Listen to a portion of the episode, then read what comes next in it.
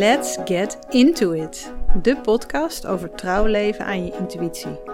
Mijn naam is Daan van Hegelsom en in deze podcast volg ik mijn brandende nieuwsgierigheid naar hoe mensen hun innerlijke stem volgen, hoe ze hun intuïtie herkennen, erop durven vertrouwen en in hun keuzes op varen.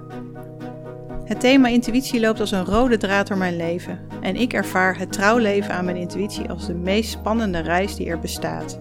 Want hoe trouw en hoe echt durf je te zijn? Ik ben daar zelf vaak juist in gegroeid in moeilijke tijden en heb die als mijn grootste leermomenten ervaren. Het niet weten bracht mij vaak dichterbij. Door met anderen hierover in gesprek te gaan die hier ook mee bezig zijn of flink in uitgedaagd zijn, merk ik dat ik verder kom. Ik luister, ik leer, ik deel mijn eigen ervaringen en ik ben vooral benieuwd. Hoe doen anderen dit? Trouw leven aan jezelf? Samen weet je vaak meer dan in je eentje. Let's get into it. Vandaag duik ik de diepte in met Ilke van Hulzen. Psycholoog, trainer, coach, kunstenaar. Misschien wel in omgekeerde volgorde. Want in mijn ogen is hij vooral een levenskunstenaar en een zeer authentiek mens. Ik ben nieuwsgierig naar de samenhang tussen de diepe crisis die hij meemaakte, door jarenlang getroffen te zijn door een bijzondere variant van de ziekte van Lyme, waardoor hij nauwelijks nog iets kon en tijdenlang in afzondering leefde.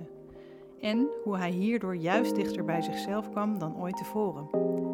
We gaan in gesprek over eigenheid, dicht bij jezelf komen, juist als je het heel moeilijk hebt. En je leven vormgeven vanuit die herontdekte kern. Hoe houd je dat vast? Of moet je juist meer loslaten en vertrouwen? We komen erop uit dat we maar bar weinig weten en dat dat eigenlijk een prachtig vertrekpunt is. Nogmaals, ik vind het echt super leuk dat je er bent.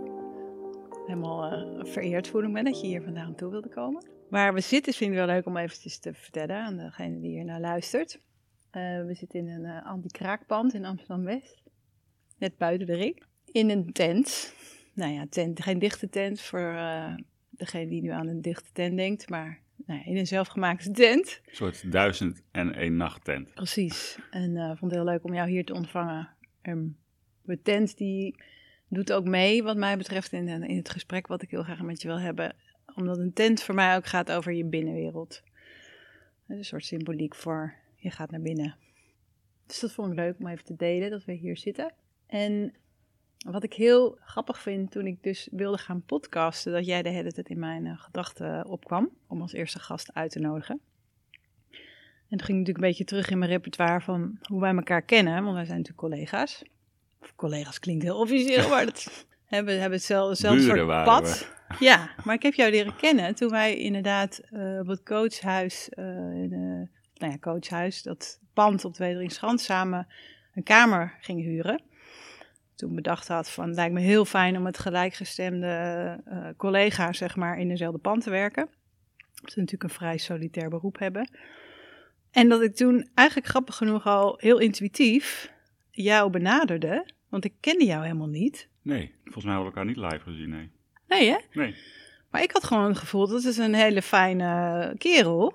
En die ga ik gewoon uitnodigen of die ook hier uh, een kamer wil huren. We hadden iets van vijf kamers die we konden vullen. En um, ik weet nog dat je daar heel leuk op reageerde en dat ik jou voor het eerst ontmoette. Um, en ik dacht, wauw, wat een, uh, een bijzonder mens. Uh, gelijkgestemd, voelde gelijk, voelde heel ja, vertrouwd. Dat was een soort feest van herkenning. Veel feest van herkenning. En wat ik me ook nog heel goed herinner, is dat je ging verhuizen naar de Weteringsgas met je spulletjes. En dat je toen jouw auto, jouw geweldige Jeep Wagoneer op de stoep had staan. En dat ik zo blij verrast was door wat je daarvan had gemaakt. Je had gewoon als kunstproject hè, die auto helemaal onder de postzegels uh, ja. geplakt. Nou, waanzinnig, waanzinnig cool. En dat ik dacht, dacht jeetje, wat, uh, wat een eigenheid. En, en dat is eigenlijk ook het haakje, denk ik, van waarom ik het ook heel leuk vind om, uh, om vandaag met jou in gesprek te zijn. Is die eigenheid die ik toen al bij je zag. Ja. Dus een heel erg, zoals ik het ge, gepercipieerd heb, een verlangen om, om heel erg op mijn hele eigen manier in het leven te staan. En dingen te maken die bij je passen. Ja, dus ik merk dat ik daar nieuwsgierig naar ben. Naar hoe jij dat doet. En ook ben ik heel benieuwd naar wat je daarin tegenkomt in, in het trouwleven aan jezelf. Dus dat is eigenlijk de reden dat ik je heb uitgenodigd om, uh, om samen daarover in gesprek te gaan. Ja, leuk. Ik daar heel benieuwd naar ben. ja, ik ook. Dit was het haakje wat ik wilde vertellen, dat ik jou zo'n interessant mens vind, dat ik je daarom heb uitgenodigd. En um, denk ik dat ik eerst vraag, waarom wilde jij graag komen op mijn uitnodiging hier naartoe? Ja, het grappige, in mijn hoofd is nu ook de, de, de postzegel Jeep is weer aan. dus die, uh, ik ben ook gewoon weer terug in de tijd. Ja, ik vind het contact met jou elke keer gaat soort organisch, wat ik net zei, feest van herkenning. Dus al had je gevraagd om een documentaire te maken of whatever. ik vind het gewoon leuk om met jou iets te maken. Dat is denk ik de hmm. eerste drijfveer. En ik voelde ook wel, zoals ik je mailde, gelijk een soort terughoudendheid. Dat ik denk, oh, maar ben ik dan een, een goede gast? Of ja, waarom ik? Hmm. Dat voel ik dan ook gelijk. En als ik nu zo je intro hoor, denk ik, oh ja, nee, ja. Het klopt ook wel, of zo. Ja. Ja. Nou ja, wat ik, waar ik heel erg benieuwd naar ben, en dat is daar waarom ik deze podcast wil maken, is... Uh, en daar heb ik zelf ook een hele weg in afgelegd, maar ik weet dat jij dat ook hebt, is dat, dat zoeken naar eigenheid. Ja. En, en ook wel daarin een, een, sterke innerlijke stem hebben. Dus een, een eh, de, nou ja, dat kun je intuïtie noemen of eh, eigen waarheid, dat kun je allemaal woorden. Maar ook hoe geef je daar vorm aan? Ja. En ik had het idee dat ik dat vrij vroeg bij jou herkende. En dat weet ik ook in het werk wat je doet. Ook heel erg zoeken naar een eigen vorm in het coachen en trainen. Ja. Waarin je, weet ik, heel erg ook in die diepte altijd geïnteresseerd bent. En dus daarin ook de, vanuit je eigenheid vorm geven. Dus dat is de, nou ja, wat ik, waar ik gewoon heel benieuwd naar ben. Ik weet niet of het een simpele eerste vraag is, maar wat voor, wat voor plek of wat voor rol speelt intuïtie in jouw uh, leven? Als ik dat even zo hoog overvraag. Grote vraag. Ja, daar heb ik natuurlijk zelf ook wel over nagedacht toen ik hier in de auto naartoe reed. En toen dacht ik, het is ook gewoon echt iets ongrijpbaars. Mm Maar ik vaar er wel een soort blind op. Ja, eigenlijk doe ik alles op dat. Mm Terwijl het is ook heel, ja, om het in woorden te vatten. Maar ik kan wel echt drastische beslissingen maken als ik in één keer voel, dit is het niet. En dan is het bijna een soort grote weten. Ja, dat klinkt misschien heel raar, maar alsof, het, alsof ik vanuit een groter perspectief kan voelen wat klopt of zo. Ja. Ja, klinkt misschien heel vaag, maar... Nee, maar dat is inderdaad waar ik benieuwd naar ben. Dus je zegt, ik doe eigenlijk niet anders dan dat. En tegelijkertijd is het heel ongrijpbaar iets. Ja. Dus de, de, hoe het zich manifesteert of als je het moet uitdrukken, dan kan je het bijna niet overbrengen of pakken. Ja, terwijl het zit eigenlijk in al mijn keuzes in mijn leven. Mhm. Dat ik voel van, oh ja, dit klopt helemaal niet. Dus daar moet ik weg. Of in relaties, of studie, of werk, of whatever. Of dat je iets ineens zo trekt dat je denkt, daar moet ik heen. Zonder dat je het logisch is of zo. Zoals die mhm. postzegelauto. Dat, Ik werd echt wakker op een dag en ik moest mijn auto beplakken. En ik vond daar zelf ook wat van. Terwijl ik ben echt nog nooit, als, als kind denk ik, toen ik met de Lego speelde of een nieuwe Lego doos kreeg, had ik dat gevoel.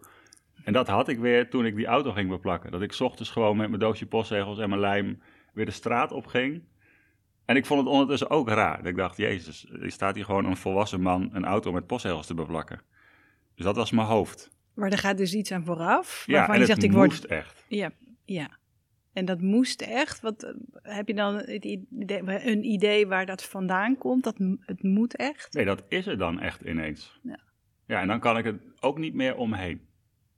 Of dat kan wel. drang. Ja. In dit geval om iets te maken. Ja. Ja. En alle dingen die ik heb gedaan waar dat in zat, hebben me altijd heel veel gebracht. Hm.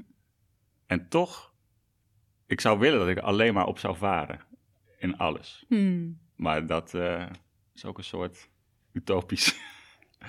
ja, dat hoofd doet ook gewoon mee. Ja, want nou, wat weerhoudt je er dan van om, om, de, om dat helemaal te volgen?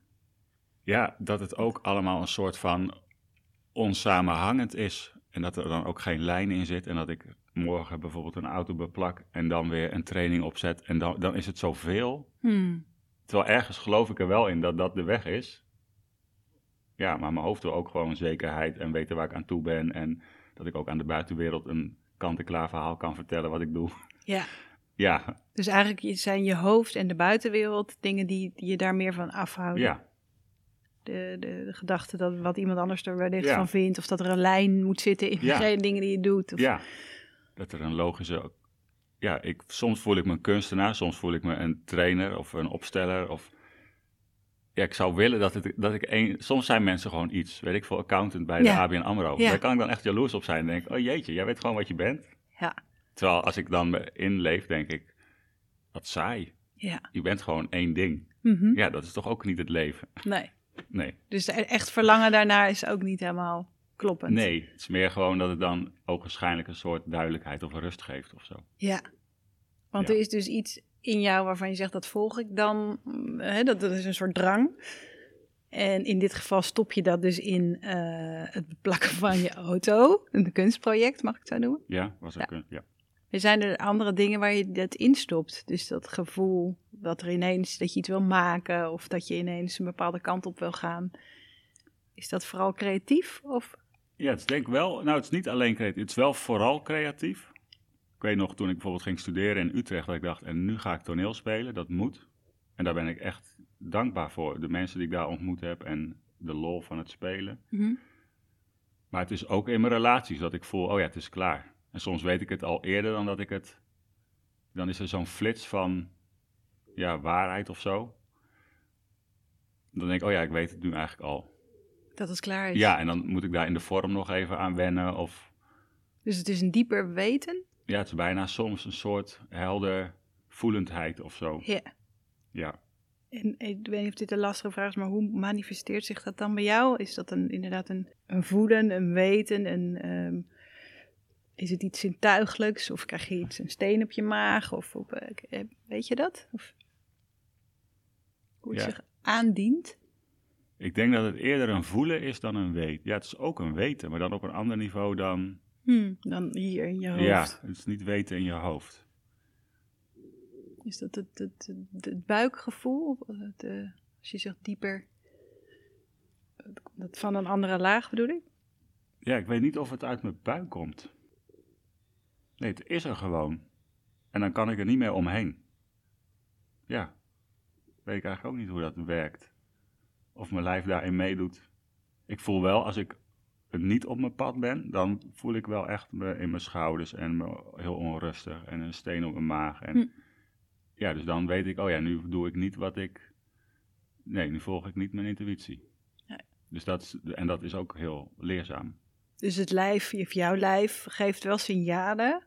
Als je dus het idee hebt dat je niet op je pad Ja. bent. Ja, Je zegt, voel ik mijn schouders. En Ja. je niet lekker letterlijk in je lijf. ja, Dus dat lijf heeft wel een connectie met voelen of het klopt. ja.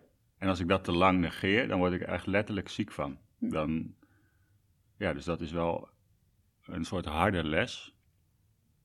Maar achteraf ook wel een soort mooie les. Dat ik denk, oh ja, het dient zich echt wel aan. Mhm. Ja, je moet gewoon dat hoofd, eh, Ja, hè? dat hoofd uitzetten. Ja. En er maar echt op vertrouwen. Ja. Ja, het gaat ook wel over overgave of zo. Ja, hè? Ja, Ja. En ook het niet weten. Niet Ja. durven niet te weten. ja dat is de grootste. Nou, dat is waar ik zelf heel erg mee aan het eh, stoeien ontdekken ben. Dat inderdaad, hoe minder ik nadenk, hoe meer ik dus ook die andere stem hoor, merk ik. Dus dat ik meer open ben voor dingen uit mijn intuïtie. Dus om een voorbeeld te geven, zoals nu met corona. Dat ik, ik had best wel wat tijd nodig om een beetje in de acceptatiestand te komen. Mhm. En dat toch die ik moet dingen of moet, of moet deze tijd benutten. Of weet je, dat je het gevoel hebt van eh, Ja. iets wil of moet ik er iets uithalen of nou. En mm, sinds kort voel ik heel veel acceptatie. Dus heb ik het idee dat ik iets heb losgelaten van wat mijn hoofd dan mm, denkt te moeten doen in deze tijd. En vanuit die acceptatie merkte ik dat er heel veel ruimte aangekomt. En dan voel ik ook veel meer wat ik wil doen. Ja, hè? En toen kwam dus ook dit, dus dat podcasten. Dus eigenlijk, nee, het gaat niet om het podcasten, maar om gesprekken te Mhm. voeren, wat ik gewoon heel fijn vind om te doen. Wat heel natuurlijk voelt en eh, waar ik echt mijn hele nieuwsgierigheid ook in kwijt kan.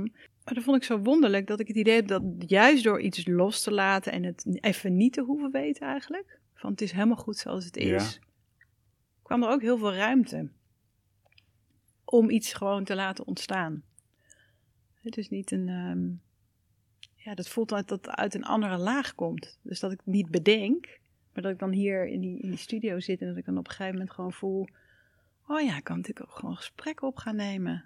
Wat leuk, weet je? En dan, ja, dat, dat, dat ontvouwde zich eigenlijk gewoon als vanzelf.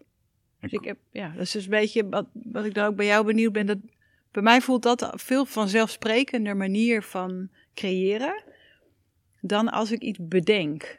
Ja. En Ja. voel jij het dan in je lijf?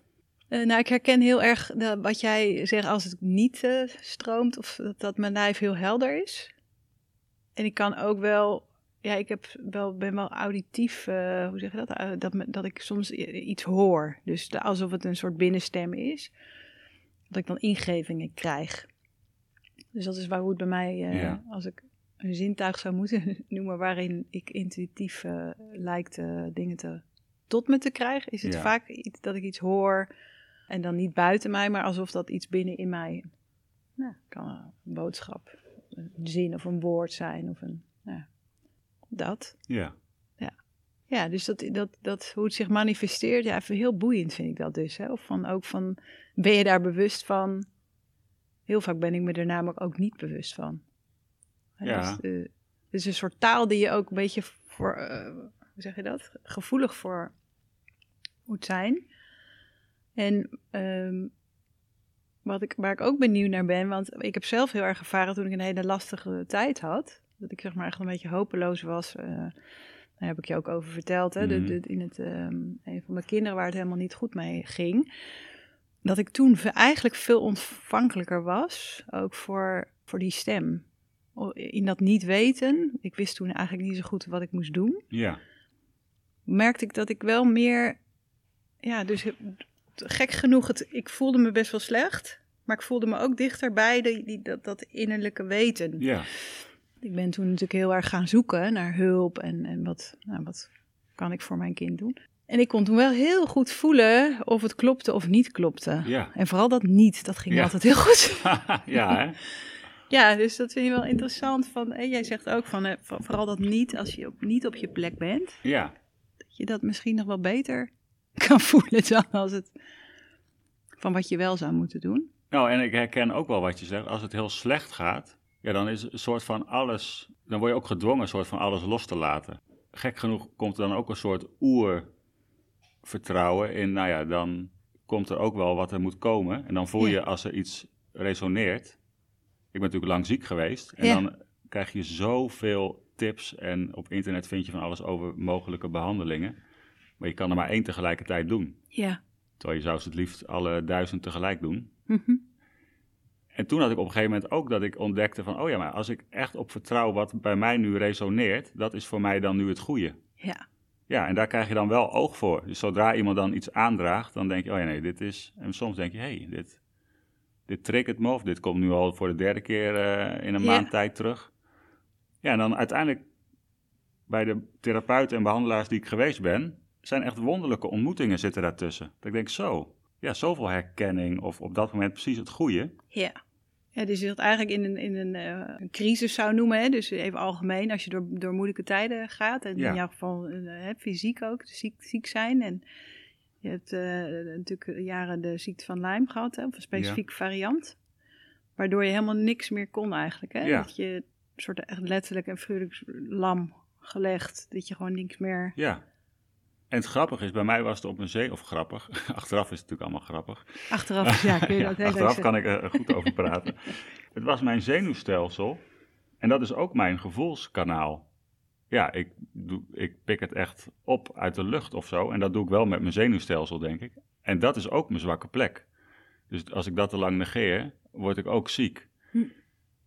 Ja, dus die ziekte heeft me echt wel geleerd door alles los te laten en het echt niet meer te weten, tot machteloosheid en radeloosheid aan toe. Ja, dat zich dan ook iets nieuws opent. Mhm. En is het verbonden voor jouw gevoel? Dus die twee dingen van. eh, ik, ik heb in de voorbereiding eh, voor onze ontmoeting ook opgeschreven de rol van crisis, zeg maar. Dat is een beetje een heftig woord, Ja, ja. maar hè, die is door een, door een heftige periode gaan. En het horen van je, van je binnenstem of het inderdaad gevoeliger zijn voor, voor uh, intuïtieve waarnemingen, zeg maar. Heb je het idee dat het op een bepaalde manier met elkaar verbonden is? Dus ik moet denken ook aan die uh, uitspraak van Leonard Cohen. Ik weet niet of je dat... Ja, there's a crack in everything. Ja, die is fantastisch. Ja, en die dus- snap ik nu ook eigenlijk pas. Ja, precies. Dus there, there's a crack in everything, that's how the light gets in. Ja. Dus de, ik heb zelf heel erg ervaren op mijn meest radeloze momenten, zeg maar dat ik echt dacht, ik weet eigenlijk niet meer wat ik nu moet doen. Dat, alsof er ook iets openbrak. Dus ik voelde me dan eh, in die radeloosheid, machteloosheid, alsof er ook echt een soort van, nou ja, bijna als op het moment dat ik me helemaal overgaf, eigenlijk. Dus dat is misschien daarna. Ja. Niet midden in die radeloosheid, maar dat je echt zo voelt, nou, ik kan eigenlijk geen kant meer op, ik weet het niet meer. dat. Help. Ja. Help. Ik heb inderdaad één keer op de grond uh, gelegen, letterlijk heb ik heel hard help geroepen naar, I don't know, waar heen, iets. En dat ik het daarna, dus eigenlijk ook een soort overgave inderdaad. Noodgedwongen. Noodgedwongen. En daarna gebeurt er vaak dan iets wonderlijks of komt er iets tot mij of, nou maar wat jij zegt, dat je het bijna denkt van, huh, wat een bijzondere samenloop. Ja. Of er komt de juiste tip op je pad of... Dus meer mijn vraag van, heb je het idee, ook bij jezelf, dat dat met elkaar verbonden is geweest? Dat, dat het weten en het niet weten, hè, wat in zo'n crisis ook zo dicht bij elkaar komt. Nou ja, je wordt ook wel in zo'n crisis echt op jezelf aangewezen of zo. En ik heb natuurlijk letterlijk een paar jaar soort teruggetrokken als een kluizenaar. Uh, ja, waardoor je ook wel gevoeliger wordt voor je eigen systeem en stem. En ja, in het wereldse geweld mm sneeuwt dat ook snel onder. Ja, want je bent toen inderdaad heel veel alleen geweest. Ja. En, en met weinig prikkels, dus, ja. want dat kon ook niet, hè? Nee. Dus het was niet... Ik had nooit die weg zelf gekozen. Maar omdat het nu moest, heeft het me achteraf ook best veel gebracht. Al had ik dat toen nooit gezegd. Nee. Nee, dat is nu natuurlijk achteraf makkelijk ja. praten. Maar, en wat heeft dat jou dan gebracht? Nou, ik denk echt het meest in de kern dat we eigenlijk echt niks weten. Ik heb zoveel artsen en mensen gehad die dan zogenaamd zeggen dat ze het weten vanuit hun eigen koker. En ik geloof ook dat ze dat oprecht doen. Maar we weten eigenlijk echt geen reet. En zeker niet wat goed is voor iemand anders. Daarop vertrouwen dat we het echt niet weten. Ja, dat is, vind ik eigenlijk wel het grootste goed of zo. En dat heeft me ook gebracht. En dat vind ik nu ook het lastigst, nu ik weer meedoe in de wereld. Want we leven in een wereld waarin we allemaal doen alsof we het weten. Ja. En is het dan, als je weer terugkeert, zoals je nu vertelt in de, de wereld, hè, eh, na zo'n proces, is het dan ook heel erg zoeken naar uh, hoe blijf je inderdaad bij datgene wat je ontdekt hebt, terwijl je weer in die normale wereld tussen aanhalingstekens ja, weer terugkeert? Hoe, hoe, hoe ervaar je dat? Of hoe heb je dat ervaren, die overgang? Nou, ik weet niet hoe jij dat ervaart, maar het voelt wel alsof er een soort laag bijgekomen is waar ik niet meer omheen kan. Ja. Ja, dus heel veel dingen komen ook in een ander licht. En dat is gewoon opnieuw verhouden. Mhm. Maar ik kan me daar zelf ook niet meer voor de gek houden. Nee. Want dan word ik gewoon echt... Ja, mijn lijf reageert gelijk. Ja. Ja, dus ik weet niet hoe jij dat ervaart, maar contact en zo wordt ook wezenlijker. Ja. Nou, dus inderdaad, uh, ik herken dit heel erg. Dus de, bij mij in ieder geval het verlangen om daarmee bezig te blijven. Dus, dus vooral ook, hè, dit, dit, is ook de reden om, om deze podcast te beginnen. Die fascinatie voor dat niet weten en daar tegelijkertijd je eigen weten in ontdekken. Ja, dat is gewoon, dat kan, dat wil, dat kan niet meer terug. Dat wil ik ook niet meer terug. Maar ik kan daar ook niet meer overheen leven. En soms is dat heel handig, want ik ben voor mijn gevoel veel helderder.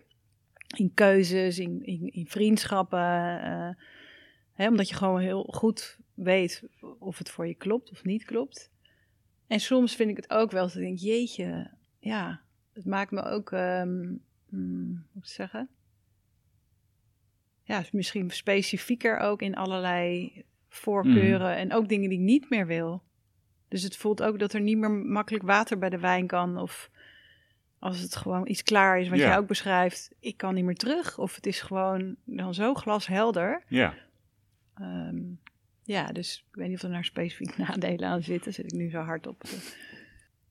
Nou, ik vind het heel fijn. En ik, ik merk wel dat ik ook heel erg eh, geneigd ben om naar mensen toe te trekken die daar ook eh, Ja. op die manier willen leven. En ik ben ook eh, heel gefascineerd voor nou, hoe, hoe de wereld eruit zou zien als we, als we allemaal meer trouw zouden leven. Dus ik merk dat het ook een soort fascinatie heeft gegeven naar. Jeetje, wat zijn we allemaal aan het doen, weet je? Ja. En, en heel veel dingen weet je diep van binnen namelijk wel. Hè, de, hoe, hoe we met de natuur en dingen omgaan. Iedereen voelt wel ergens van, eh, het is niet oké. of dus de, ja, dus ook wel gefascineerd van, hoe ziet de wereld eruit als ze meer luisteren en meer durven eh, keuzes te maken die, die waarvan je voelt dat die kloppen.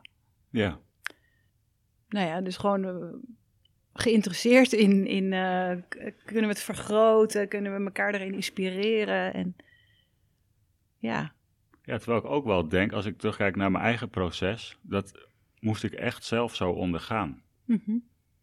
Niemand had me kunnen, nee. ja, al had ik de hele dag de beschikking gehad over, eh, weet ik veel, een soort eh, privé-boeddha die alleen voor mij er is. Dan nog had ik niet naar hem geluisterd. ja, Nee, dus je zegt eigenlijk ervaring is key in dit eh, ontdekken. Of eh, dit Ja. kun je niet iemand aanleren. hè? nee, ja, zo, ja, nee, je kan wel, denk ik, mensen even weer, denk ik, of dat helpt mij ook, af en toe schrijven of mediteren, om weer even af te stemmen op jezelf. Mhm. daar kan je mensen natuurlijk wel in, ja, op aansporen. Maar uiteindelijk, ja, dat weet ik ook niet wat voor iemand het een goede pad is, of zo. Nee, dus het blijft iets heel persoonlijks. Ja, Ja. En, en persoonlijk, ik geloof dat het bij iedereen, eh, iedereen heeft andere vormen waarin je wordt ge- uitgedaagd. Hè? Waar Ja. de een midden in een relatiecrisis zichzelf ontdekt, door juist ver weg te zijn van hoe het goed Ja. voelt. En een ander in een, in een verschrikkelijke baan of met een, Ja. met een baas of een werkgever waar je gewoon voelt, dit, ik pas hier niet. En dan ben jij eh, fysiek, heb je echt een, een ziekte doorgemaakt.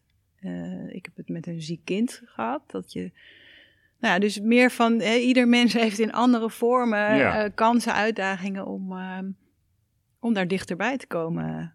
ja. Als je daar naartoe wil bewegen natuurlijk. Want, ja, en de eerste neiging is natuurlijk de vandaan. Nou ja, want dat, daar ben ik ook nog benieuwd naar inderdaad. Hè? Van, heb jij ook ervaren van dat je een, in dat hele proces wat je hebt doorgemaakt, dat je ook wel eens dacht van weet je, flikker allemaal maar op. Ik heb hier helemaal geen zin in. Of ik heb helemaal geen zin om nog weer dieper in mezelf te graven. Of eh, hoe, hoe is dat bij jou geweest? Ik ging, denk vooral zelf graven, maar ook met een soort illusie dat ik de sleutel had. Mhm. Ja, dus ook een soort zelfafwijzing dat ik niet, eh, me niet lukte om beter te worden. Het voelde als een soort falen. Ja, dat ik voelde van, oh ja, als je niet beter wordt, dan doe je iets niet goed. Dus in die zin gaf je, eh, wa- was het heel erg dat je het idee had van ik moet het zelf oplossen. Ja, Het is in mij de sleutel. ja. En Dus dat niemand dus die mij- een dagtaak. In wat ik, niks was meer vrijblijvend. Hoe lang ik sliep, wat ik at, hoe, wat ik, gewoon alles wat ik deed was gerelateerd aan, is dit dan de sleutel naar Ja, ja, ja, beter worden? ja. Dus ik moet overal de juiste keuzes in maken. Ja, Die, waarvan je op dat moment dacht, dit is goed qua Ja. voeding of qua... ja. Nou ja. En dat is maar net weer wat je dan leest. De een zegt een komkommer is superfood en de ander zegt komkommer is echt het eh, gif. Ja, dat snap je? Er is niet... Nou, hoe kom je dan tot keuzes? Ja, dan, ik besefte dus, daar gaan, gaan we dus niet over. Dat is dus vertrouwen op wat zich aandient en wat goed voelt. En dat is voor echt iedereen iets anders. Dus ook met al die diëten en dingen, denk ik, ja, eh, ja, je moet volgens mij daarin echt trouw aan jezelf blijven. En dat heeft mij wel gebracht dat echt niemand het weet. Ik zelf dus ook niet. En toch heb je allemaal keuzes gemaakt. Dus ehm, hoe wist je dan of je een komkommer moest eten of een paprika bijvoorbeeld? Hoe, hoe ging dat bij jou? Ja, ik kreeg op een gegeven moment. eh, ik heb verschillende dingen geprobeerd. Uiteindelijk kreeg ik een dieet onder ogen waarvan ik dacht: oh, dit klinkt heel logisch. Ja, dat ga ik gewoon doen. Mhm. Ja, en nog steeds denk ik: volgens mij werkt dat niet voor iedereen. Of En hoe weet je dan of dat voor jou goed was? ja, weet ik eigenlijk ook niet. Misschien zit dat ook alleen maar in mijn hoofd. In ieder geval leef ik weer en ben ik niet meer ziek. Ja. En er zijn een heleboel dingen die daarin, natuurlijk een heleboel factoren. Ja, maar dat, we denken ook allemaal zo lineair, hè? alsof dit veroorzaakt dat. We willen allemaal alles heel graag begrijpen met ons hoofd. Ik Ja, ook hoor. ja. Dus als ik nu dit doe, dan... Gebeurt er dat? Ja, terwijl we weten echt... Nee, het is volgens mij helemaal niet lineair. Nee.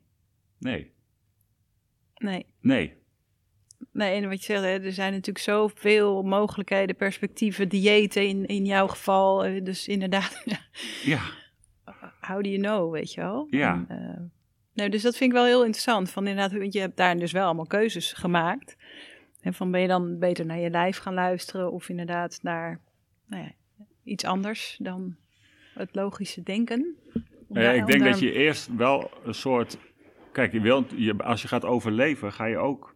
In mijn geval, ik wilde alleen maar beter worden, beter worden, beter worden, beter worden. Waardoor, dat ging echt ten koste van alles, ook van mijn relatie. En, en dan op een gegeven moment besef je, oh, maar daar, ik heb daar echt eigenlijk maar weinig controle over. Maar eh, we hebben echt maar beperkt invloed. Mhm. Ja, dus de, daar kwam wel weer meer ruimte in. Maar dat is echt een jarenlang proces geweest. Waar ik, waar ik ook wel eens heb gehad, wat jij zegt, dat je op de vloer ligt en help roept. Ja. Maar dat zijn achteraf wel de doorbraakmomenten. Ik weet nog dat ik op een gegeven moment eigenlijk dacht van, ja, zo wil ik het niet meer. En dan liep ik door een bosje. En toen dacht ik, eh, stel nou dat ik nu doe alsof ik vandaag van een flatgebouw spring Ja. dan, en toen besef ik, dan is de rest van mijn leven dus bonus. Dan eh, had, had ik hier nu niet meer gelopen. Ja. Dacht ik, En dan, hoe kut het dan ook is, het is wel een ervaring. Die had ik anders niet gehad. En ik werd echt instant blij in dat bosje. En dat ik dacht, oh, maar als het zo eenvoudig is, hoef ik alleen nog maar de rest van mijn leven mijn intuïtie te volgen. ja, dat, toen dacht ik, wow. Niet dat ik dat sindsdien elke dag doe, Mhm. maar dat is wel een soort, zo'n keerpunt, dat ik, daar kan ik altijd naartoe terug. Dat ik denk, oh ja, ik hoef het ook echt, je hoeft echt alleen maar je impulsen te volgen. En je Ja. intuïtie. En dan, ja, je hebt ook gewoon eigenlijk helemaal niks te verliezen. Maar dat klinkt wel als een, een belangrijk kruispunt. Dat je dus, het klinkt ook als bereid zijn om te verliezen, of zelfs je leven te verliezen. Ja, dat je misschien een soort ultieme vorm van overgave, I don't know. ja ook wanhoop, denk ik. Ja, dus in die wanhoop dat je denkt, "Pff, ik kan ook inderdaad van een flat springen. Ja, Dat is ook gewoon een optie. En dat laat je dan even helemaal door je heen gaan, als ik het goed begrijp. Ja. En daarin vind je juist een soort bevrijding, Ja. klinkt het. Van, oh, dan, maar dan is de rest allemaal bonus daarna. En dan kan Ja. ik ook een- op een andere manier misschien wel gaan leven. Of ja, simpeler. Of, ja, veel. Ja, er hoeft dan niet zoveel meer. Alles is al winst. ja, anders was je er niet geweest. Mhm. En ook dat ik wel voelde, ik wil niet, de dood trekt niet. Ik denk dat dat voor sommige mensen ook gewoon is, dat de dood trekt. Maar ik denk dat de meeste mensen die er een eind aan maken, die willen juist leven. ja. Alleen die hebben geen uitzicht. Het is Mhm. ook een gebrek aan perspectief dat je denkt, wat? Ja, en het gaf mij wel weer, om dat toe te staan, ook wel weer perspectief. Ik denk, oh ja, maar als dan alles bonus is, dan... Ja, in het ergste geval leef ik nog 50 jaar zo. Kan ik eh, 100 meter per dag wandelen, is dat het? Ja. Het is ook een soort acceptatie dan van, Ja, nou ja, zo dat is, maar het is het wel een ervaring. ja. Gelukkig is het niet zo gebleven. Hoe bedoel je wat wel gebleven? nou ja, ik, ik kan nu gewoon eh 15 kilometer wandelen. Dus dat maakt het ook makkelijker om erover te praten natuurlijk. Ja. Ja. Maar dit is wel een, een moment waarop je iets... Het klinkt heel groots eigenlijk in jezelf ook hebt Ja, eh, toegestaan misschien wel. ja. Ja, de machteloosheid en de ik weet het echt niet meer en ik wil het gewoon niet meer. Nee. En, en sindsdien, hoe is, heeft dat dit moment wat je nu beschrijft, jouw leven dan anders ingekleurd? Of, ehm, Nou, dat ik wel vooral als ik dan weer zo, want ik, ik heb wel vaak van dat soort intuïtieve ideeën, dat ik ze vooral moet doen. Ja, dat ik vooral spijt krijg als ik ze niet doe. kun je Ja. daar een voorbeeld van geven van een intuïtief idee of iets wat je dan dat zo tot je komt, dat je dat wat je graag zou willen doen? Nou, wat al lang trok, eigenlijk al sinds ik er voor het eerst in aanraking mee kwam, is bijvoorbeeld systemisch werken. Mhm. En altijd wist ik daarin, dat is mijn weg of zo. Heel Ja. Soort weten. Maar ik voelde ook altijd, ja, wie ben ik dat ik dat mag doen? En ja, ik voelde me ook nog ergens nog niet rijp genoeg of zo, onbewust. Mhm. Tot ik dus echt met die ziekte voelt ook wel echt als een zielenreis. Je komt jezelf zo tegen. Ja.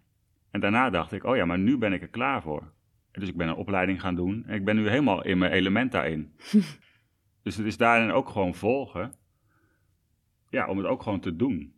Dus denk je ook dat je meer lef hebt gekregen om, om dus te kiezen voor, voor dat wat al eigenlijk, je zegt dat had ik al heel lang, dat ik die, Ja, die liefde voor dat vak voelde, voor systemisch werk. ja, En na je ziekteproces eh, ben je er gewoon veel, nog veel toegewijder, committed voor Ja. gegaan. ja ook alsof het, het- dus dat dat de dingen op zijn plek zijn gevallen. Ja, nu is de tijd er ook rijp. En dat vind ik nog steeds heel spannend, want het voelt ook wel als een soort levenswerk. Ja. Ja, dus ik voel ook wel de... Het is makkelijker om iets anders te doen. ja, dus het is niet per se de makkelijkste Nee, weg. het is die zeker je- niet de makkelijkste weg. Ook met die auto niet, joh. Mensen, me- mensen kijken je ook raar aan, hoor. En ze vinden het ook maar gek. Die postzegelauto. Ja, het, eh, Ja, dus in die zin is het niet alleen maar een soort Jolahiti, eh Hosanna. eh, Op het moment dat je dan die eigenheid vindt en daar Nee. trouw aan leeft, dan nou, krijg je daar ook allerlei reacties op. Ja. Die niet altijd alleen maar leuk of makkelijk Nee. zijn. Maar de eigenheid is dan wel groter. Dat je denkt, ja, da- dat geeft dan zo'n vertrouwen. Ik denk, ja, ik moet dit doen. Ja. Ja, Is dat ook een beetje het spel zoals je het voelt? Van, dus dus eh, wie jij bent en de wereld die daar dan nou, op reageert. Eh, nou, in ieder geval ben ik daar gevoelig voor. Ja. Ik ben soms wel eens jaloers op echt van die... Ik weet dan niet wat daar van binnen gebeurt. Maar sommige kunstenaars, die ogen zo autonoom. mhm. Dan denk ik, wauw, lijkt me heerlijk dat je gewoon zonder conventies gewoon doet wat jij moet doen. Ja. Ja, ik ben ook wel echt een pleaser en een Hm. aanpasser. Mhm. Ja, ik kan daar wel echt jaloers op zijn. Ja. Ik weet niet of jij dat ook herkent of hoe dat... ja, absoluut. Ja, dus Ja, die dubbele... Het, het helemaal daarvoor gaan, inderdaad. Wat jij ook zegt vanuit impulsen, doen waar je zin in hebt. En inderdaad, ja, een beetje conventieloos. Ik weet niet of dat het juiste woord is, maar dat je inderdaad niet, totaal niet meer bezig bent met de, de buitenwereld. Of wat, wat de mening van anderen. Ja, dat is.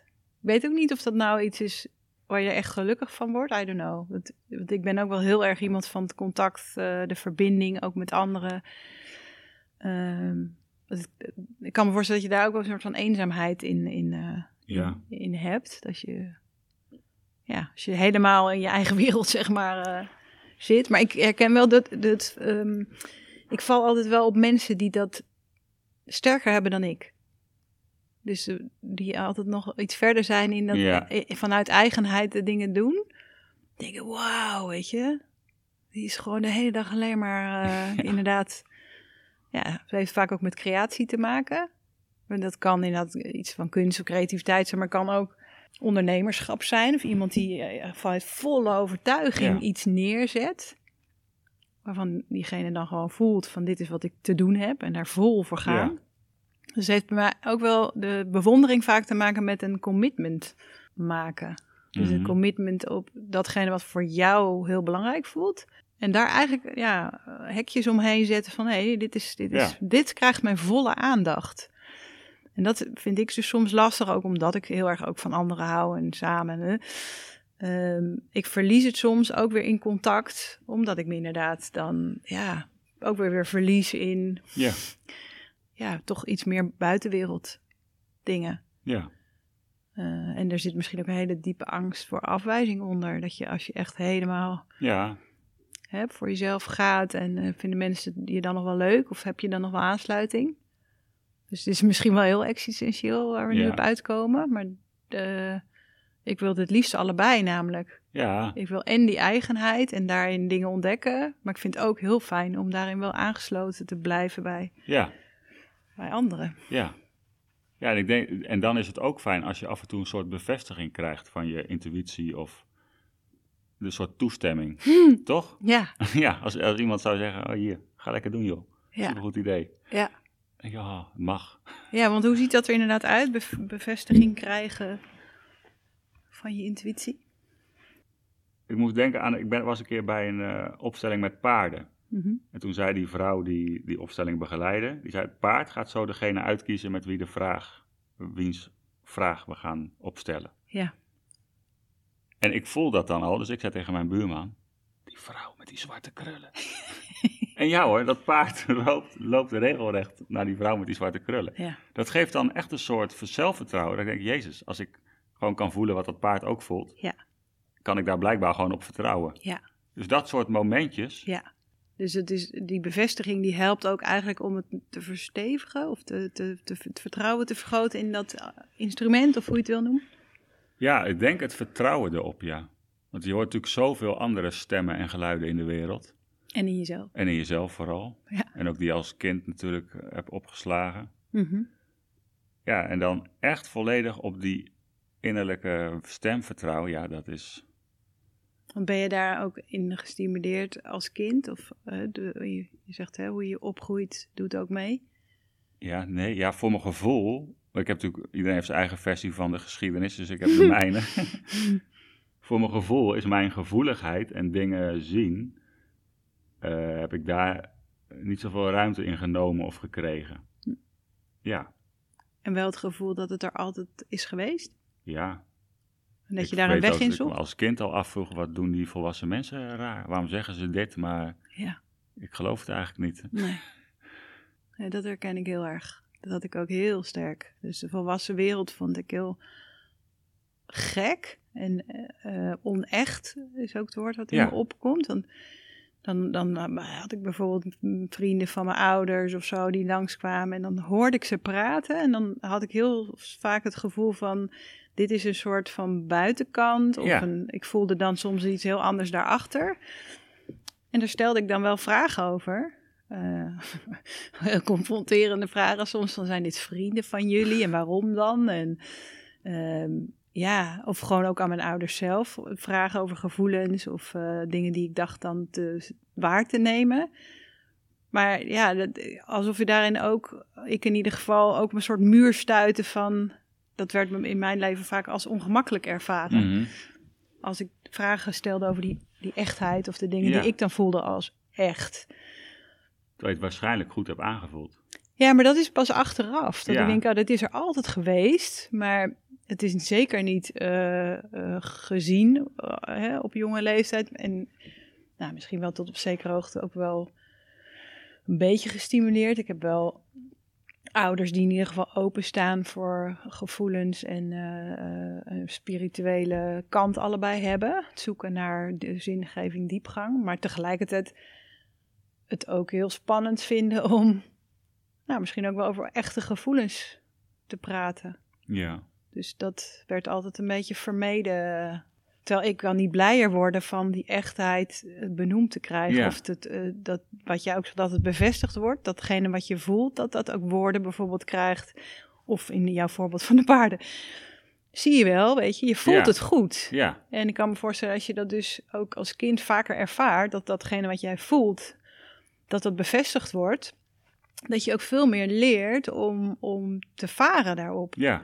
In plaats van natuurlijk van die platgetreden zinnen als denk toch eens na of doe eens normaal. Ja. Weet je, al die van Stel je die niet aan. Stel je niet aan, inderdaad. Ik ben dan vaak labiel genoemd als kind. Dus ik was, eh, ja, als ik eh, bepaalde emoties, vooral verdriet, hè, dan, dan was het doe, doe niet zo labiel.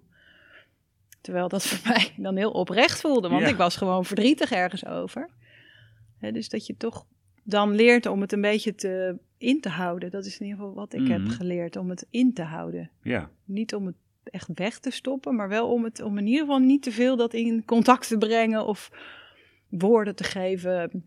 Van nou, hou maar een beetje, een beetje Ja. onder de radar, weet je wel. Ja, hè? En het is ook niet wat je op school leert. Tenminste, vroeger niet. Nu zijn er gelukkig wel scholen waar er steeds meer ja, ruimte voor is. Maar je leert rekenen en taal, maar niet überhaupt. Heb je ooit, ooit een les gehad over intuïtie of whatever? Echt niet, toch? Of over niet. gevoelens überhaupt. Nee. Hè? En hoe druk je die uit? Ja, Ja, zonde. hè? ja, toch? Ja, dus in die zin denk ik dat, dat iedereen hierin zoekt, een weg zoekt. En, en zeker als je al gevoelig bent, of nee, Ja. ik geloof dat uiteindelijk iedereen dat is. Eh, en de een meer dan de ander misschien, maar dus daarin zoeken we allemaal een weg. Ja, Van hoe geef je daar dan vorm ja, aan? ja, Zeker als je niet hebt geleerd om te luisteren, of te mogen luisteren. ja. Dat is echt wel een eh, zoektocht die dan op latere leeftijd begint, toch? Ja. Ja, om dan, want om dan een bruggetje te maken, ik had je gevraagd om wat dingen mee te nemen. Ehm eh, aanhakend op waar we het nu over hebben, van wat, nou, misschien wat helpt jou, wat inspireert jou om ook zo trouw te mogen leven aan, aan datgene wat je voelt. Ja, En ik was gewoon benieuwd van wat, ja, wat helpt jou daarin? Hè? Ik kan soms zelf eh, voeding halen daarin, of bevestiging vooral uit, uit boeken, dingen die ik lees, ook van anderen of mensen die daarin ook durven Ja. eh, eerlijk zijn. Ehm, maar soms kunnen we ook bepaalde voorwerpen me helpen of herinneren aan, eh, aan dat ik dat belangrijk vind. ja. Of liedjes. Of, ja, precies. Hoe is dat bij jou? Ja, en nou sowieso stilte en schrijven en mediteren. Gewoon echt terug naar mezelf of wandelen. Dat is wel een soort basis. Als ik dat te weinig doe, dan... Ja, dan, ik word dan ook kriegelig. Of dan heb ik ook ruimte nodig. Dan denk ik, oh ja, ik moet even op mezelf. Dus je weet wel inmiddels wat je nodig hebt, Ja, ook om hier goed voor te zorgen. ja, ja. En ook dat ik dat dus gewoon wel echt nodig heb. Mhm. Dat ik, ik kan het ook niet lang meer niet doen. Hm. En wat ook wel, ja, liedjes, sommige liedjes zijn ook zo mooi dat je dan weer, soms een liedje die je niet kent, die dan in één keer een soort binnenkomt. Of als je, weet ik veel, een toneelstuk ziet of cabaret of eh, kunstdingen. Mhm. Ja, dat kan soms ineens raken Ja, en dan ben je weer gelijk terug. ja. Ja, En kun je een voorbeeld geven van muziek die je terugbrengt? Ja er is één nummer, eh, Wayfaring Stranger heet dat. Zat in de film eh, Broken Circle Breakdown. Als ik die hoor, die is echt alsof die zo mijn ziel ingaat. Hmm. En die heb ik afgelopen zomer echt wel, nou, volgens mij houdt Spotify het bij, maar ik denk dat ik hem wel duizend keer geluisterd heb. en elke keer weer. Dat, ja, en ik denk dat iedereen zo van die nummers heeft die Ja, op een bepaalde laag. En dan voel ik ook gelijk mezelf weer. Dus dat is zo makkelijk. Gewoon dat nummer opzetten en ik ben er en weer. dan ben je er weer. Ja. Wauw.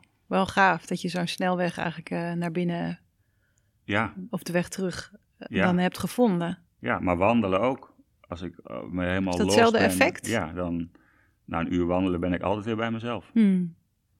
Ja, dus je hebt ook echt wel dingen ontdekt die, ja, die je daarin helpen. hoe doe jij dat dan?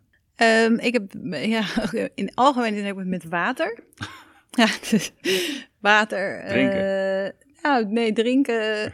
Ja, doe ik ook. Maar ik bedoelde eigenlijk douchen, eh, badderen, eh, zwemmen. Oh, dus ja. het, het element water, dat heb ik ontdekt op een gegeven moment. Als ik bijvoorbeeld eh, op zoek ben naar antwoord op iets, dan moet ik eigenlijk veel te lang douchen. Dus ik bedoel, hey, je was jezelf even, maar op een gegeven moment is dat eigenlijk wel klaar. Maar langer blijven staan en gewoon puur dat water over mijn lijf laten gaan. Dan heb ik dus heel vaak ingevingen. Hoe ik iets moet oplossen. Of, hoe, ja, of een ingeving over waar ik die dag voor moet kiezen. Eh, dus dat heb ik op een gegeven moment ontdekt. Dat, dat, dat het heel vaak onder de douche ontstaat. Eh, dus daar maak ik dus ook actiever soms gebruik van. Dat ik als ik het niet weet, nou, dat ik dan gewoon eh, een bad voor mezelf maak of even wat langer onder de douche sta. En dan eigenlijk altijd komt er dan wel wat naar binnen. En ik herken ook wat, wat wandelen. Dus de lopen, lopen, lopen. Dat kan ik ook hebben als ik bijvoorbeeld in de, even, echt even niet meer zo goed weet wat ik moet doen. Als ik dan en met mezelf afspreek dat ik blijf lopen totdat ik het wel weet. Ja. En dat is wel eens geweest dat ik echt twee, drie uur weg ben geweest. Alsof ik dan mezelf leegloop. Ja, Dus dan is het alsof alle emoties Ja. even zakken. Alsof die gewoon via mijn voeten mijn lijf verlaten. En dan op een gegeven moment wordt het stil. En dan als het een tijdje stil is, dan komt er ook weer dus iets, iets anders. En dan weet ik soms ineens, oh, hier heb ik naar te kijken. Of dit is, eh, dit, nou ja, maar whatever. Het is meer dat ik dan weer bij mijn eigen antwoorden kom. ja. Wat mooi. Ook leuk van dat water. Ja, ja, dus het is wel een grappige ontdekking. En ook alleen zijn. Dus ik ben ook mega, ja, prikkelgevoelig eigenlijk. Zonder dat dat hele gekke vorm is. Maar ik merk gewoon als ik alleen ben, dan heb ik gewoon veel makkelijker een, een connectie. Omdat ik niet afgeleid word door, als ik met iemand ben, al is het in dezelfde ruimte, ben ik ook altijd bewust van die ander. En, en dat kan ik niet uitzetten. Dat heb ik wel geprobeerd, maar het lukt niet. Dus dat alleen zijn helpt gewoon heel erg om alles buiten mezelf, alle ruis eraf. Ja, En dan, eh, dus die ja, stilte en alleen. Dan, dat helpt ook. Ja, dus ik ben nog steeds wel zoekend ook in, omdat ik dit gewoon super interessant vind. Wat zijn nou vormen om je dichterbij eh, te halen? Dus wat jij zegt, schrijven. Ik, ik vind tekenen ook heel fijn. En dan meer een soort doedelen. Dus meer dat ik dan, ja, Ja. ik- ja, er komt gewoon soms een plaatje of niet, of woorden. Ja. Maar meer dat je jezelf even een soort van canvas, hoe zeg je dat? Een, een, eh, een, een leeg vel geeft om whatever op te... ja, er hoeft even niks op te leveren. Nee, nee. Dus dat, het heeft toch wel veel met ruimte maken volgens mij te maken. Al die vormen die ik heb ontdekt, die gaan eigenlijk op hun, in, binnen hun eigen mogelijkheden, gaat het allemaal over ruimte maken. Leeg, los, Afstemmen. afstemmen, loslaten, dat. Maar het heel persoonlijk, denk ik. Ja, dat denk ik ook. Dus dat heeft iedereen voor, gewoon voor zichzelf uit te vinden, Ja. wat je vorm is daarin. En wat, eh, je hebt nog meer Ja, en ik heb eh, een edelsteen meegenomen. Het is seleniet. Mhm. Die is altijd een soort. Ja, dit is voor mij een soort symbool voor contact met het grotere of zo. Ik kan, dan heel, ik kan ook makkelijk met doden en kleuren zien. En, en deze steen die helpt gewoon. Ik hoef er maar naar te kijken en ik ben al in die andere waarheid of zo. Mhm. Ja, Maar je zegt, ik ben heel snel in eh, doden zien. En dus je, je- dat is ook iets wat je eh, intuïtief voelt, ervaart. ja. De, en, en vooral aanwezigheid als ik goed in van- mijn vel zit. Dus ik zag, voor mijn ziekte zag ik al kleuren om mensen. oh ja? En toen in mijn ziekte zag ik het niet. En nu de afgelopen jaar, sinds ik weer wordt het alleen maar meer. Hmm. En ik kan het niet, ik kan, ik kan, geen, eh, ik kan er niks mee. Of tenminste, ik zie het en ik zie een kleur en soms geeft het intuïtief, eh, kan ik er woorden aan geven, maar ja, ik weet er niks van. Ik weet niet van, oh, eh, ik zie blauw en dan dit of zo. Maar dat is ook i- i- wel informatie, toch? Die dan Ja. op een andere manier dus tot jou komt. Die, die klinkt heel vertrouwd voor jou is. Ja, Want het is een tijdje weg geweest, maar Ja. het is nu weer ja, terug. ja. Is dat ook een soort eh, bron van, ehm, nou ja, misschien waar je ook op vaart? Ja, ik denk dat het daar vandaan komt. Ook, eh, ook mijn moeder is bijvoorbeeld overleden en ik kan echt makkelijk contact met haar maken. Mhm. Ja, dat is wel echt een soort, ja, zeg maar de bron of zo. Ja, klinkt Ja. zo, eh, Ja? ja. Wel echt oer. Mhm. Bedoel je met bron ook dat waar we vandaan komen? Of ik weet niet hoe je dat ziet. Ja, zoiets. We Gewoon waar, alles is wel verbonden in iets. Ja, Ja, en dan noem jij bron. ja bron of eh, sommige mensen noemen God of eh, Ja. alles, weet ik veel. Ja. Ja, Ik En daar vind heb het altijd zo lastig als je de woorden aan moet geven. Ja, want ik voel het. Ja. En als ik dan zou zeggen God, dan heeft het al gelijk een lading. Mhm. En ja, het heeft al zo snel een lading. Ja. Terwijl het voelt echt ladingloos. Ja. En voor jou klinkt het heel vertrouwd. Ja, ik heb er heel makkelijk contact mee. En dan onder andere dus door je moeder te voelen. Ja, daar kan ik echt mee praten. Oh ja? Ja. En een vriend van mij die een paar jaar geleden is overleden, die is er. daar kan, ik kan gewoon om raad vragen. Ja, het is echt. Mooi. Ja, het is heel fijn. En hoe komt dat dan tot je? Dus als we het hebben over, dat, hè, over zintuigen. En ik zeg dan bijvoorbeeld, ik, ik hoor af en toe Ja, dingen. dat is horen. Dat heb jij ook? Ja. Ja. Dus dan maak je contact met je overleden vriend of je moeder. Ja, en dan ze hebben ook allebei een eigen stem en Oh, ja? een manier van praten. En, eh, ja, het is echt bizar. Ik vind het zelf soms ook heel raar. Mhm. Ik loop er ook niet echt mee te kopen of Nee. zo, want dan, ja, het, eh, ook al gauw dat het een soort stempel krijgt of zo. Mhm. Terwijl ik heb er echt veel aan, ook in mijn ziekte. Die hebben mij er wel echt doorheen gesleept. Ja, geloof ik. Ja, Bijzonder. ja, Dat dan juist mensen die niet meer op deze wereld zijn jou ja, zo geholpen hebben. ja. En jij was ervoor open. Ja, ik kon er niet omheen. Nee, diende dit zich vanzelf aan? Of Ja. ging jij bewust op zoek? Nee, ik, ben- ik ben helemaal niet bewust op zoek gegaan. Hm. Nee. Ze stonden gewoon voor de deur. Ja, ik stond er gewoon voor de deur en ik deed open. En, eh, maar nu denk ik soms wel, ik zou daar wel mee willen experimenteren of zo. Ja? Op Maar ik vind dat manier? dan ook wel weer, ja, dat ik denk hoe... Hoe dan? Ja, en ook eh, dat ik vaak denk, ja, is het mijn eigen hoofd die het invult? Of, Hmm. Dus dat twijfelen aan, hè, dat, eh, je mooie voorbeeld van de paarden, die, eh, ehm, eh, hè, dat heldere, het, het weten en Ja. bevestigen krijgen, is dat dan toch ook nog twijfel? Ja, zeker. Ja.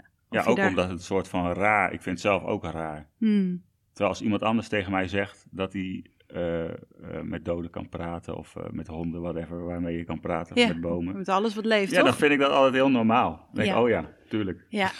ja, dus het heeft toch ook weer, waar we in het begin al over spraken, veel met je hoofd en je, je Ja. eigen oordelen te maken. In hoeverre dat er ook helemaal mag zijn. Ja, mag leven of mag Ja. meedoen. En dat is wel hoe ouder je wordt, hoe meer je daarin gewoon, ja, ook jezelf meer toestaat of zo. Hmm. Toch als je jong bent wil je er vooral bij horen. En ik denk Mhm. hoe ouder je wordt, hoe meer je ook wel je eigen weg gaat of zo. Ja, Ja, dan is dat bijhoren wordt steeds minder relevant. mooi. Ja. Ken je dat?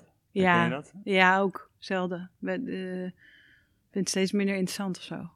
Ja. Voelt, voelt veel belangrijker het commitment naar mezelf dan naar de ander. Dat wordt sterker. Ja. Waar ik vroeger veel meer bezig was met wat vinden mensen van mij. En vinden ze me inderdaad niet raar. Of dat heb ik wel, wel vaker meegemaakt namelijk. Ook mensen die wel, mij wel raar vonden en dat ook uiten.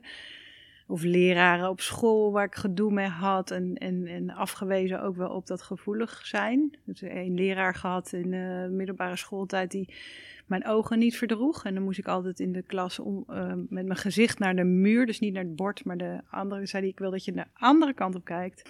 Dus, Jezus, Ja. dat is, is gewoon mishandeling.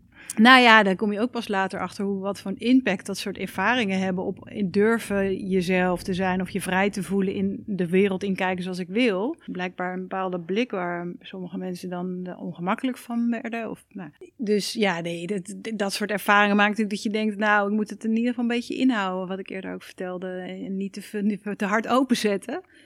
Eh, waar ik nu veel meer voel van nee, ik wil juist veel meer nog um, eh, trouw aan mezelf en ik wil dat nooit meer verlaten. Dus dat, de, dat commitment met mezelf voel ik steeds sterker. Ja, Meer dan eh, erbij horen of Ja. pff, ik vind het gewoon niet meer zo interessant. ja hè? Dat merk ik wel als verschuiving. Dat heeft zeker ook wel met levenservaring te maken en, en, en het gewoon goed met jezelf hebben. Ja, hè? Ik weet niet of je dat ook... want Je bent natuurlijk ook heel veel op jezelf geweest. Dat ik merk hoe meer ik het gewoon goed heb met mezelf... dat ik ook nog veel meer toesta van alles wat ik dan voel en ervaar. En, en, dus dat helpt ook. Ja, Eh, hè? ja. Ja, en ook in ons vak, toch? Hoe meer je gewoon op je intuïtie vaart en inbrengt. Ja, terwijl vroeger dacht je soms, kan ik dit wel zeggen? Of Ja. Ja, vind je ook, dan moet het ook nog ergens kloppen of zo. Ja. En nu kan ik soms wel zeggen met, klinkt misschien raar, maar... Ja. Ja, en dan meestal is het gewoon, klopt het, ja, is het daar precies waar het Ja. ineens Ja. het kantelpunt.